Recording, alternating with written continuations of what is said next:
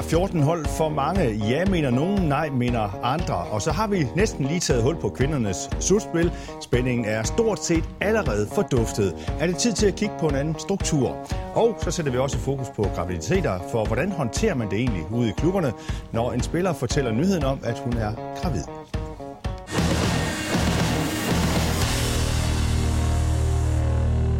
Og her er det tid til at få svar på nogle af de mange spørgsmål. Velkommen til håndboldmagasinet Overtrådt. Og velkommen til et uh, sandt uh, direktørpanel simpelthen i dag.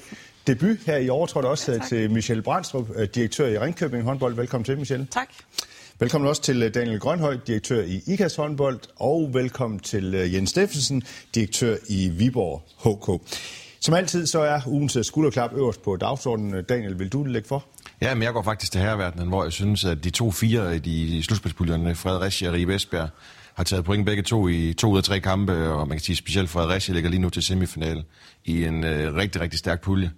Det synes jeg fortjener et skulderknap, at øh, de egentlig kommer ind, og de går all in og lægger det hele i, i kampen, og det har så resulteret i, ja, i to ud af tre kampe, begge to har givet point. Ja, vi har måske ikke helt set, at Fredericia vil ligge foran øh, Bjørn Silkeborg. Nej, og, og Skanderborg, som jeg også synes er ekstremt godt hold, øh, det er virkelig imponerende, og ja, de var to sekunder fra til at point mod GOG også. Så det er imponerende og spændende at se, om de kan holde semifinalen. Der sidder i hvert fald et par halvstore klubber, som uh, er lidt nervøse for, om Fredericia kan holde den uh, steam der. Altså lidt uh, uforudsigeligt lige pludselig herrenes uh, slutspil der, Michel, fordi uh, Skjern uh, og Fredericia ligger dybt set til at møde hinanden nu i en semifinal, hvis ja. man sluttede det hele lige nu. Det må man sige, det er det, jeg synes, det er fedt, når der sker sådan nogle overraskelser der, også i Herrenes Liga. Absolut. Vi skal også have et skulder klar for dig. Ja, øh, mit går til Sønderjyske, nede ved os selv, øh, skulle jeg til at sige. Mm. Fordi jeg synes, det er sejt, at de har øh, formået at sikre sig en plads, og ikke skulle spille om første division, med første divisionshold. Men ser jo tit, at det helt naturligt bliver oprykkerne, der også tager de to kampe der, og at de allerede nu er sikret, at de ikke kommer ud i de kampe der. Og ser ud til også at få et rimelig forstærket mandskab næste år. Det synes jeg er sejt godt. Hvorfor er det egentlig, det er så svært at komme op i ligaen for mange første divisionshold? Fordi nu siger du også, at det er sådan lidt et, næsten lidt et særtilfælde med Sønderjyske i det her tilfælde, at, at de er sådan sikret og skal ikke tilbage Ja, sidst de var her, der husker jeg i hvert fald, de røg ud med brag igen. Så jeg synes, de, øh, det er jo en del økonomi, der også skal til, men øh, jeg synes, at øh, det er fedt, at øh, det ikke altid er, som det plejer at være. Det må man sige. Jens Steffensen, ugens skulderklap. Det går lidt til de yngre. Jeg var, havde fornøjelsen af at være oppe og se DM i uh, Mors, eller oppe i Nykøbing uh, i går, hvor jo Mors jo gentog og blev dansk mester for drenge, og, og pigerne, den tog Skanderborg så. Og det var hele setup'et faktisk, som jeg var meget imponeret af. Det var helt ligeværdigt. Der var en mellem 1.500 og 2.000 tilskuere og en fantastisk stemning. Så det går faktisk til det arrangement deroppe. Og selvfølgelig se alle de der danske mestre, der, og de andre hold, der også leverede en flot indsats. Hvor gode var det, de her unge mennesker, Jens? Skal vi, skal vi forvente, at det er nogle af dem, som vi står og taler om her om et par år eller tre her i studiet måske? Altså, du har jo fornøjelsen af blandt andet set en af dem, vi skal, vi skal have til Viborg næste år fra, fra Skanderborg, som gjorde det ganske fint. Og, og på Mors hold, og for den sags skyld også på GOG-hold på drengesiden, er der jo flere, der allerede har haft uh, ligadebut. Uh, og jeg tror faktisk, de skrev i programmet, at fem spillere fra Skanderborg har haft det. Så bestemt er det kommende spillere, vi ser i ligaen. Ja, jeg tror faktisk også, at der er fem spillere fra Mors Thy, ja. som, øh, som øh, kommer op og får øh, ligakontrakter, eller i hvert fald skal op i ligatruppen ja. i næste sæson. Så spændende. Ja, jeg, jeg, synes, det var, jeg synes, det var godt håndbold. Så der er gået i dansk håndbold? Det, det, det var der i hvert fald der. Ja, glimrende. Godt. Øh, for en lille måneds tid siden, der kom vi sådan nærmest øh, uforvarende til at berøre et øh, hit emne i dansk håndbold, nemlig antallet af hold i ligaen. Den diskussion med de tre trænere blev vi aldrig sådan helt færdige med. Og nu øh, så løfter vi den lige op i stedet på, øh, på direktørniveau simpelthen den her gang her, fordi Michel Brandstrup, hvor står du i forhold til, om der fortsat skal være 14 hold i kvindeligaen, eller om, fordi nogen taler også om, den skal skæres ned. Hvor står du? Øh, jeg står klart på det hold, der siger, at der skal blive ved med at være 14 hold. Øh, primært af den grund, at jeg synes, vi snakker så sent som de sidste par kampe, der har været i tv, hvor de også har fået store sejre i slutspillet, så snakker vi om det her med, at der er folk, der vinder sindssygt stort, og det er lidt ærgerligt. Men for mig så er det ikke ens betydning med, at det er toppen mod bunden, der vinder stort. Det er lige så meget øh, top 3 over top 6, der vinder stort. Så jeg tror ikke, at øh, vi løser den udfordring med de store sejre ved at skære de to nederste hold væk i, øh, i ligaen. Så helt klart stadigvæk 14 hold? Ja, jeg synes... Øh, mange af os hernede i bunden har bevist, at vi også godt kan lave nogle overraskelser, og jeg tror, at de fleste topholdene også har, inklusiv øh, ikast, og sådan kan jeg sige, at de har misset nogle point, de ikke burde misse. Så jeg synes lige så meget, at det handler om, at dem, der er toppen, er bare top-top. Øh, og det må vi bare acceptere, at der er nogle hold, der lige ligger det over for under der. Så synes jeg faktisk, at alle kan være med på alle. 14 hold i ligaen, Daniel Grønholdt. Ja eller nej? Øh, nej, jeg synes, den skal skæres ned til 12, og, og det er egentlig ikke så meget med, øh, om Ajax lov Esbjerg eller hvad det er. Altså, der er, der er flere ting i det, synes jeg. Først og fremmest så har vi nogle spillere, som spiller på landsholdet, som spiller ekstremt mange kampe, og er mentalt meget, meget, meget presset af det. Det er sådan den ene ting. Og den anden ting, der er, jeg synes faktisk så meget, det øh, det er sættet omkring kampene. Øh, du kan man sige, nogle af dem, der ligger i bunden i mange år, Ajax, Skanderborg, de har ligget i ligaen i 4-5 øh, år. Øh, der er stadigvæk ikke nogen guldreklamer, der er stadigvæk ikke nogen LED, der er stadigvæk ikke noget VIP-arrangement, der er stadigvæk ikke nogen tilskuere. Og det synes jeg egentlig er mere afgørende, om de kan vinde eller tabe kampene. Det, det er egentlig fint nok, og de har masser af gode talenter, og de er fine. Men det handler om, at vi gerne vil lave en professionel liga til tv, til sponsorer. Vi vil gerne gøre det attraktivt øh, for nye sponsorer at komme ind. Og, og der, der synes jeg ikke, de bidrager ret meget til øh, produktet. Men er ikke lige meget, om der er guldreklamer og LED-lys, hvis bare de kan spille håndbold? Jo, i og for sig, det, det kan der være, men, men det handler også om, at vi gerne vil lave et professionelt produkt, hvor vi alle sammen kæmper for at lave arbejdspladser og lave øh, fede arenaer. Vi vil gerne have tv-kampe. Øh, jeg tror, der er mange sportsgrene i Danmark, der vil give deres højarm for at få vores tv-kampe. Så, så derfor synes jeg, at de har et ansvar i at, at bidrage. Det er fair nok med at rykke op som Bjerg Bro. Øh, de ikke har det fra dag et, men så synes jeg også, at man skal vise over årene, at man udvikler den del af, af produktet, som er lige så vigtigt som det på banen, synes jeg. Så nej til 14 hold, gerne 12 hold? Ja. Jens Steffensen, samme mm-hmm. spørgsmål til dig. Ja. Altså nu, jeg er egentlig nok enig med Daniel i, at jeg synes, det er set op, at der skal afgøre, hvor mange hold der skal være. Øh, og der er jeg også enig i, at der, man skal have lidt tid til at gøre det. Øh, altså jeg synes ikke, og jeg har intet mod Ajax, jeg synes, det er en fantastisk klub, men jeg synes ikke, at deres setup er ligeværdigt. Det synes jeg til Ringkøbing så er. Ja. Øh, de skal have lidt flere tilskuere, det, det kæmper vi nok alle sammen med. Og, og det ved jeg ikke, om 12 eller 14 hold afgør det, men jeg synes faktisk, det er at der skal afgøre det. Der vil altid være hold, der ligger sidst, ligegyldigt om vi er 12 eller 14. Øh, jeg synes, herresiden har faktisk vist, at de har været med til at flytte sig. Altså, der er ikke nogen, der stiller spørgsmål om vi skulle være med eller ej. Men det er fordi, de har lavet et godt setup. Og det er nok der, hvor I dametiden skal blive bedre. Øh, så er der det der med, med antal spillere, altså med spillernes pres. Jeg synes, den sæson, vi har været igennem, har været atypisk også, fordi der var et mesterskab, der lå på et andet tidspunkt, fordi der var et VM, så der skete noget nyt, som vi ikke rigtig lige helt ved, hvad, hvordan det, hvad der har påvirket spillerne. Så jeg tænker, vi kommer lidt ind i normal gænge igen, hvor der er et mesterskab i december. Det er stadigvæk mange kampe til de bedste. Øh, jeg ved ikke, om jeg gav et ekstra svar. Jeg synes, der er plads til 14, hvis setup er der okay. Men, men som det er nu, så, så skal de nederst i hvert fald, øh, eller i hvert fald nogle klubber skal op sig. Så kan man sige, at øh, nu er I jo repræsentanter, du Jens Steffensen for øh, Viborg HK og Daniel for øh, IKAST. Øh, begge to er med i øh, det her slutspil.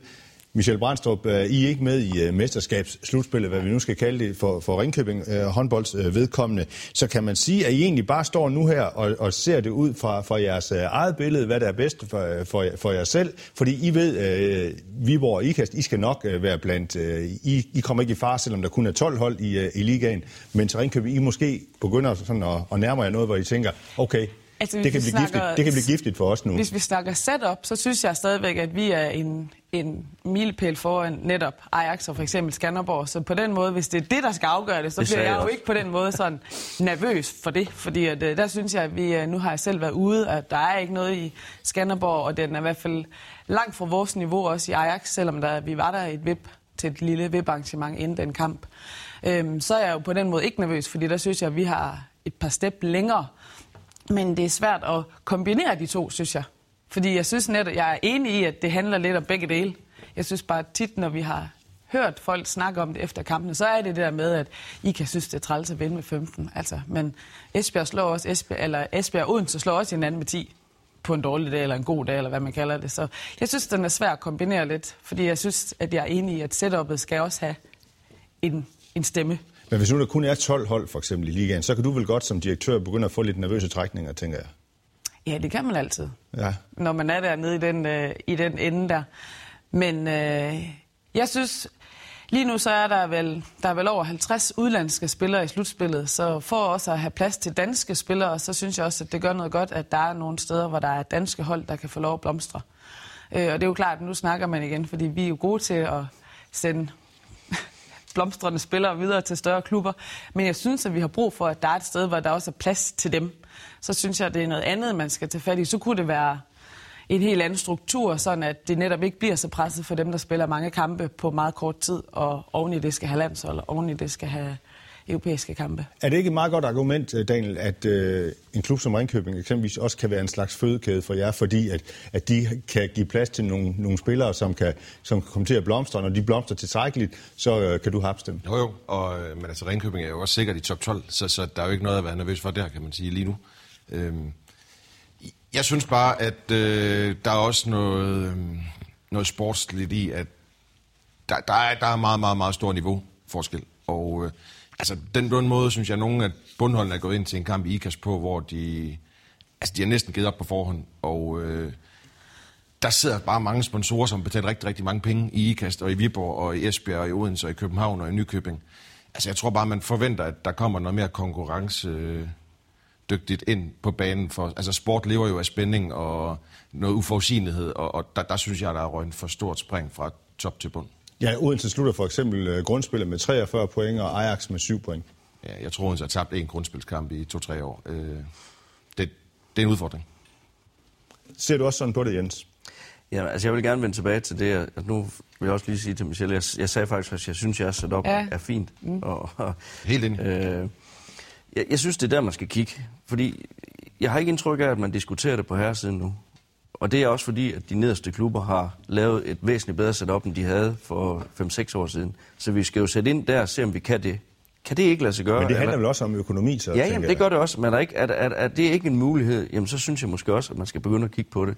Altså, nu ved jeg, at Daniel er jo, sidder jo i divisionsforeningen bestyrelse, der arbejder man med Next Level og snakker også lidt om, hvordan skal turneringsstrukturen se ud, hvilke krav skal der stilles til klubberne til op. Og det kan godt være, at det kan afbøde det lidt, øh, eller i hvert fald på, hjælpe øh, den, den, den fase og få det hen et andet sted, end hvor vi er i dag. Øh, og, og det håber jeg da. Og, og der ved jeg da også, at man snakker om, okay, skal vi så have færre hold? Øh, ja, det må du måske Ja, ja, det, det, det, jeg kigge på. Men jeg synes også, man skal kigge en ting af de 14 hold, der er ligaen. Lige nu er Bjergbro så det 15. bedste hold i Danmark. De er faktisk det 14. bedste, fordi at, det, altså, du skal også kigge lidt på, hvem fordi er så... gik konkurs. Ja, Randers gik konkurs. Og deres 10, nu siger jeg glade amatører, og det er sagt med kæmpe respekt, fordi de har gjort det mega flot. Det er jo så det 14. bedste hold i Danmark næste år. Og der skal også være noget af det, der kommer op, skal også kunne komme op og være konkurrencedygtigt på, og altså, jeg tror, Bjørn Brug får en svær sæson, og det tror jeg selv, de tror, så det, det, det kan jeg godt sige. Så det synes jeg også, man skal kigge lidt op, at det, der kommer op, det skal komme op og være konkurrencedygtigt. Ligesom Sønderjyske. Nu er vi desværre bare den uheldige situation, at der var et hold, der gik konkurs. Der var to hold, der var ude og kæmpe lidt med det. Så jeg synes også, vi skal kigge på det der med, at vi skal have et flow i, i ligaen, der gør, at der kommer noget op, som egentlig kommer op og gør en indsats eller Sønderjyske. Så. Men Bjørn Bro har jo været bedst, kan de man sige. I første de spiller sig direkte op selv. Præcis, og det er måske også det, der gør, hvis der har et 12 hold i ligaen, at så vil det give noget mere konkurrencedygtigt, der kommer op, fordi jeg, jeg tror, Bjergbro får det svært. Øh, nu kan jeg se på deres holdkort, de er en 10 spillere, og Line Gyldenløv lever stadigvæk og laver rigtig, rigtig mange mål, og det er fedt for hende at komme i ligaen. Og, men jeg, jeg, jeg tror, de, altså jeg føler ikke, det er et ligahold, der kommer op. Så det er dybest set ikke ligaen værdigt?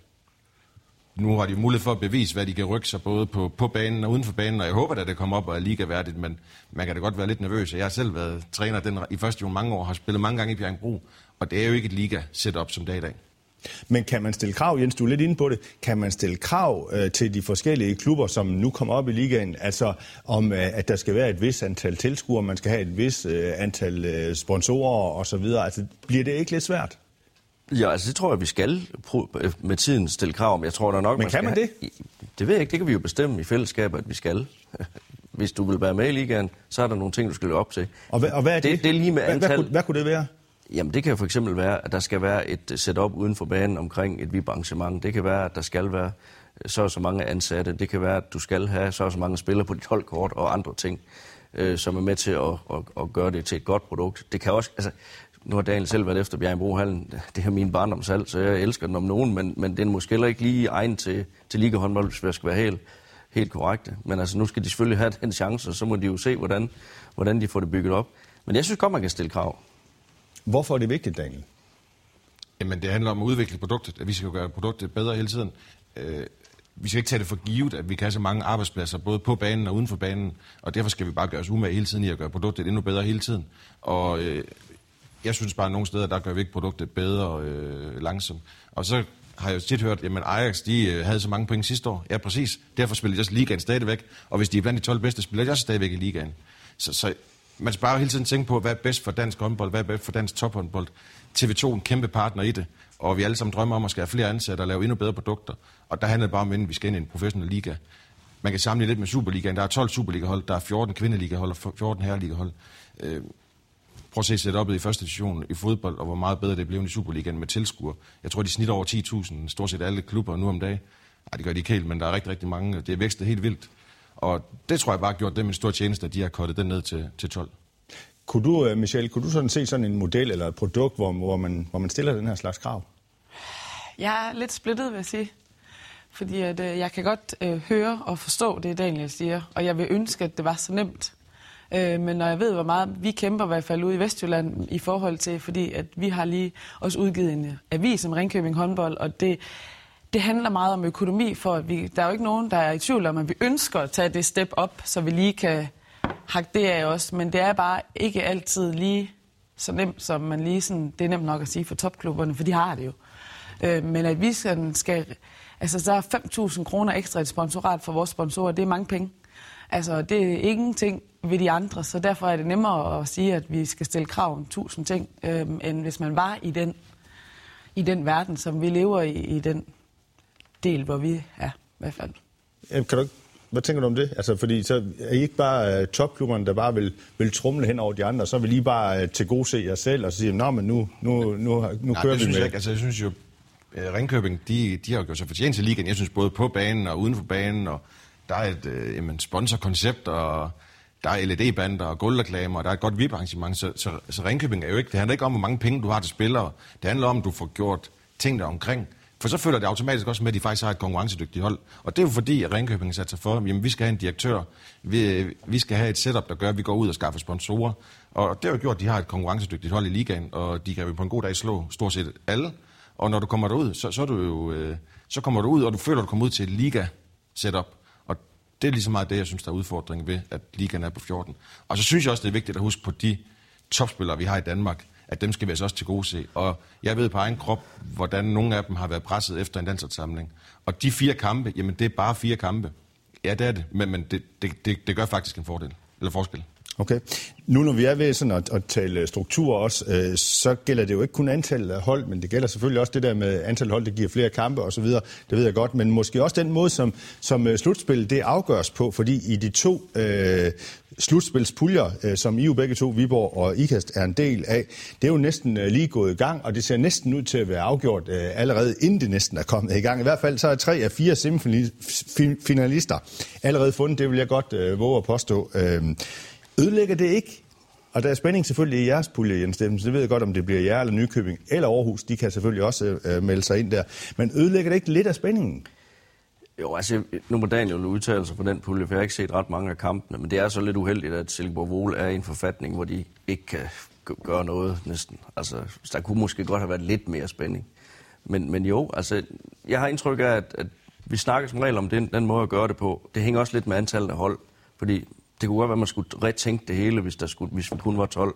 Ja, fordi så længe, når, ja. Når, når, når nu der er spillet to kampe af det her slutspil ja. her, og tre ud af fire semifinalister allerede er fundet mere eller mindre, ja. øh, er det så et argument for, at vi måske skal have en anden struktur i stedet for, for, for det nuværende slutspil, som ja, men det, det er jo hele den diskussion af, at vi vil egentlig gerne have finaler og spændende kamp til sidst. Og det har TV også hele tiden gerne vil.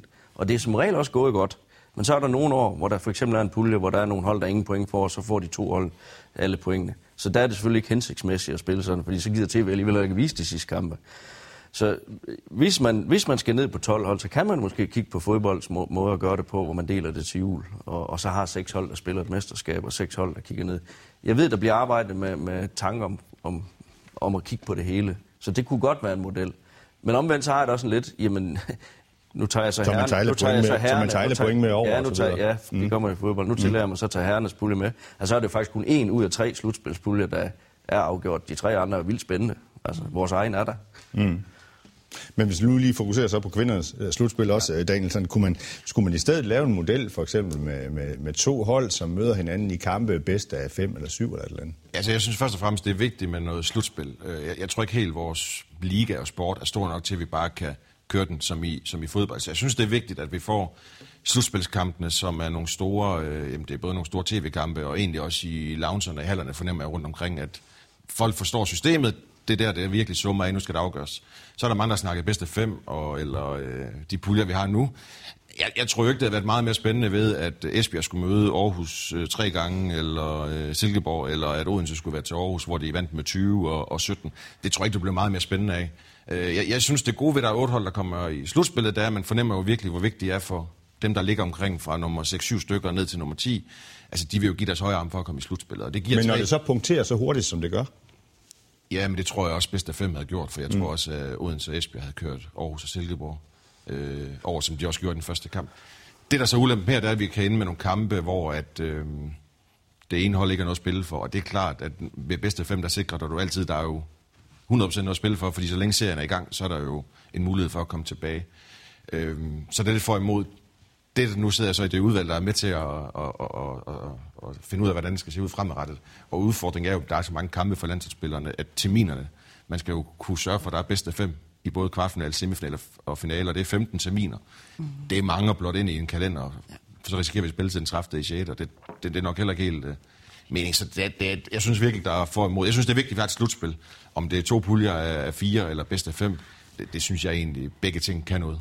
Michel, er det bare i år måske, at spændingen er forduftet, og i virkeligheden så fungerer det måske godt nok, eller hvad?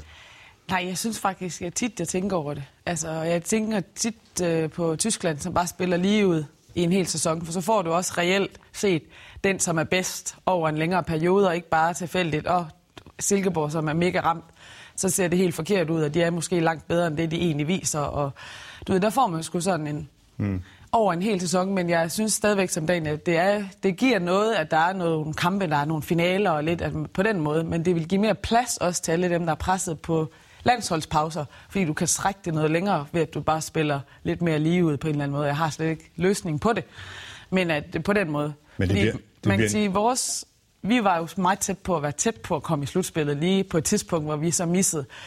Hvor jeg sådan, det er jo mega sejt, hvis vi var kommet i det. Men for os er det da måske egentlig sjovere at være rigtig god i det her kvalspil, og så vinde det, frem for at få bøllebank i vores slutspil. Men hvad skal man så prioritere? Fordi vi sponsorerne så helst have, at vi kommer i slutspil og tabe med 15 i alle kampene, måske, og lave en enkelt overraskelse mod Viborg, eller hvem man kunne forestille sig. Eller er det bedre, at vi spiller tætte, gode kampe, og er gode i vores kvalspil? Det er jo, det er jo sådan lidt hiver og træk, og man ved ikke helt, fordi, som du siger, man kan også bare være det i år, det bliver afgjort meget tidligere, end det plejer. Og det er ikke sikkert, det er sidste gang, vi har talt om det her. Nej. Nej.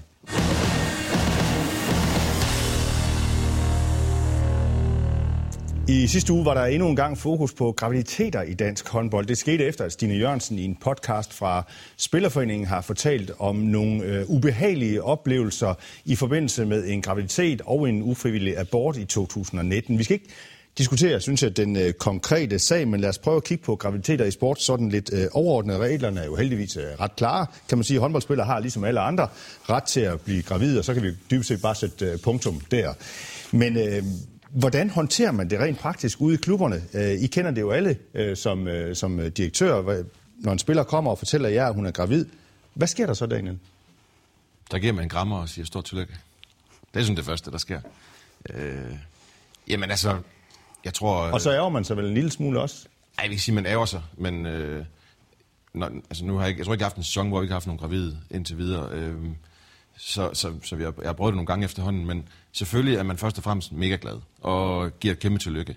Men det er også klart, det, det sætter jo også klubben eller mig i en, i en situation, hvor vi skal jo finde ud af, om vi skal ud og have en erstatning, hvis det kan nås inden den 15. februar. Og har vi råd til det? Fordi det, det er det næste punkt også. Det er jo ikke sådan, at vi lige har en buffer i økonomien, der sidder, hedder en 17. spiller, som måske kommer. Så, så der er jo mange, det sætter jo også gang i nogle tanker, når døren er lukket, og vi har sagt tillykke, så skal vi finde ud af, hvad gør vi så? Fordi vi skal også have et konkurrencedygtigt hold, og det er klart, øh, for eksempel på målmandsposten, altså det, det er jo en central position, hvor man ikke bare lige øh, kan sige, at vi spiller bare videre med dem, vi har. Jamen, vi skal jo have to. Så det er klart, det sætter jo også nogle, øh, noget arbejde i gang Ja, og, og jeg tænker, det er jo selvfølgelig, som Daniel også siger, Jens, det er jo en, det er jo en lykkelig begivenhed, en graviditet. Det er det altid, øh, men det er også en begivenhed, som, som man også er inde på, der, der giver lidt øh, praktiske udfordringer for, for jer som, som direktør, øh, når I har ansvaret også for at sammensætte et, øh, et hold. Så, så, så smilet kan vel også godt blive lidt anstrengt, når en spiller kommer med nyheden? Ej, jeg, jeg siger det samme som Daniel. Altså, det her, det er jo liv, og, og det andet er sport. Mm. Og jeg ved godt, at det er det, vi arbejder med hver dag, men det er jo en lykkelig begivenhed, så derfor skal det også være det. Øh, så er jeg godt klar over, at vi kom i en lidt speciel situation nu her, fordi der, som Daniel nævnte, var en, en dato, hvor man ikke kan trække nye spillere ind i en trup. Vi har så selv valgt at, at sælge øh, Anna Christensen til Esbjerg, så der forstod vi jo den situation, som vi nogle gange gjorde. Og så må vi få det bedste ud af det. Men altså, først og fremmest, så er det jo en lykkelig begivenhed for spilleren.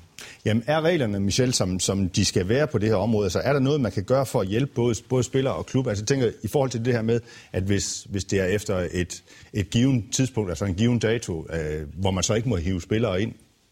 Altså, jeg synes, den er, den er lidt svær, fordi jeg synes faktisk talt i bund og grund, at den dato skal være forblive.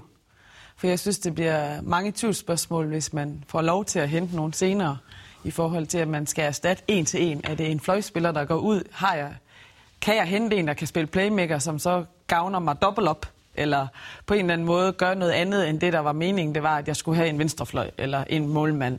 Det er lidt, det er lidt noget, igen, målmandsposten er lidt speciel, fordi du kan ikke bare lige du ved, mangler du en højre bak, så kan playmaker nok godt spille højre bak med højre hånd. Og, men lige på målmandsposten er det jo lidt specielt, fordi det, der er ikke lige nogen, der stiller sig derind sådan Bare lige, ikke fordi... frivilligt i hvert fald. Nej.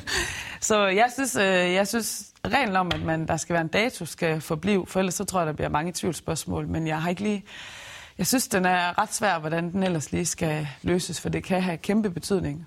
For i hvert fald økonomisk, fordi der er så meget forskel på os, hvad man får tilbage, alt efter om man er fuldtid eller deltid, eller hvordan det hænger sammen. Så efter 15. februar må man ikke kende spillere, hvis øh, en spiller kommer til jer og fortæller, at hun er gravid. Hvis hun kommer den 16. februar og fortæller, at hun er gravid, så må I ikke hente en erstatning øh, for hende. Men kunne man dispensere der, Daniel, i forhold til, hvis nu det så er rent faktisk, øh, som Michelle også er inde på, hvis det er en keeper? Det, det synes jeg ikke. Altså 15. februar er en god... Det er en fin dato. Du kan også få tre korsbåndsskader i, i slutningen af februar. Men en keeper er jo svær at erstatte. Ja, enig, men der synes jeg også, der er klubberne, der, nogen prioriterer jo alt på 10 spillere på førsteholdet, nogen mm. køber en bred trup, nogen øh, køber et, uh, bruger penge på ungdomsafdelingen.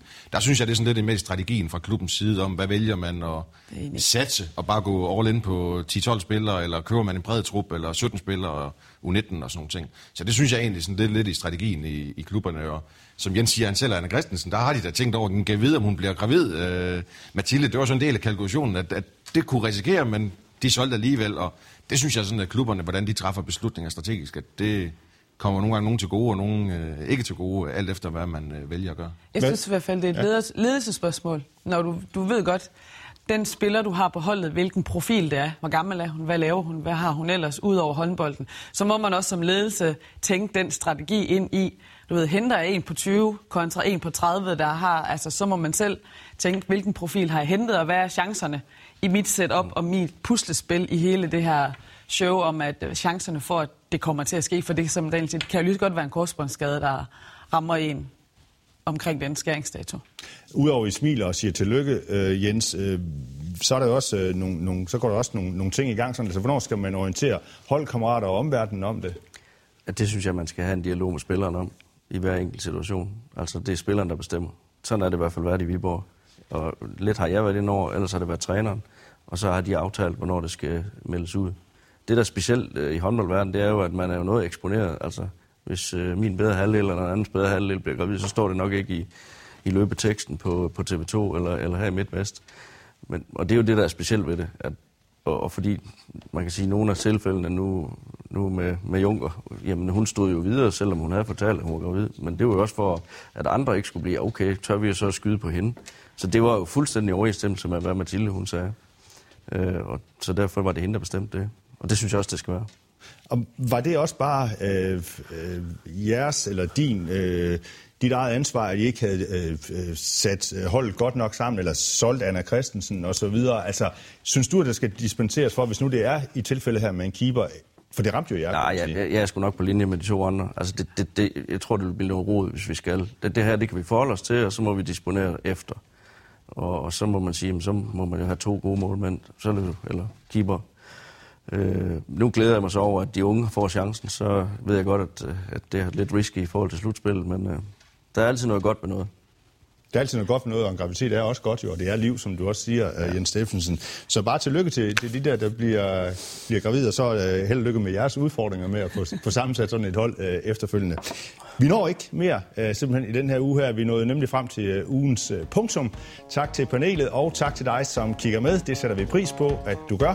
Husk, du også kan finde overtrådt som podcast, ligesom vi også findes på Twitter og Facebook. Hvis nu du skulle have lyst til at skrive til os med forslag til, hvad vi skal tage op her i programmet. Tak for nu.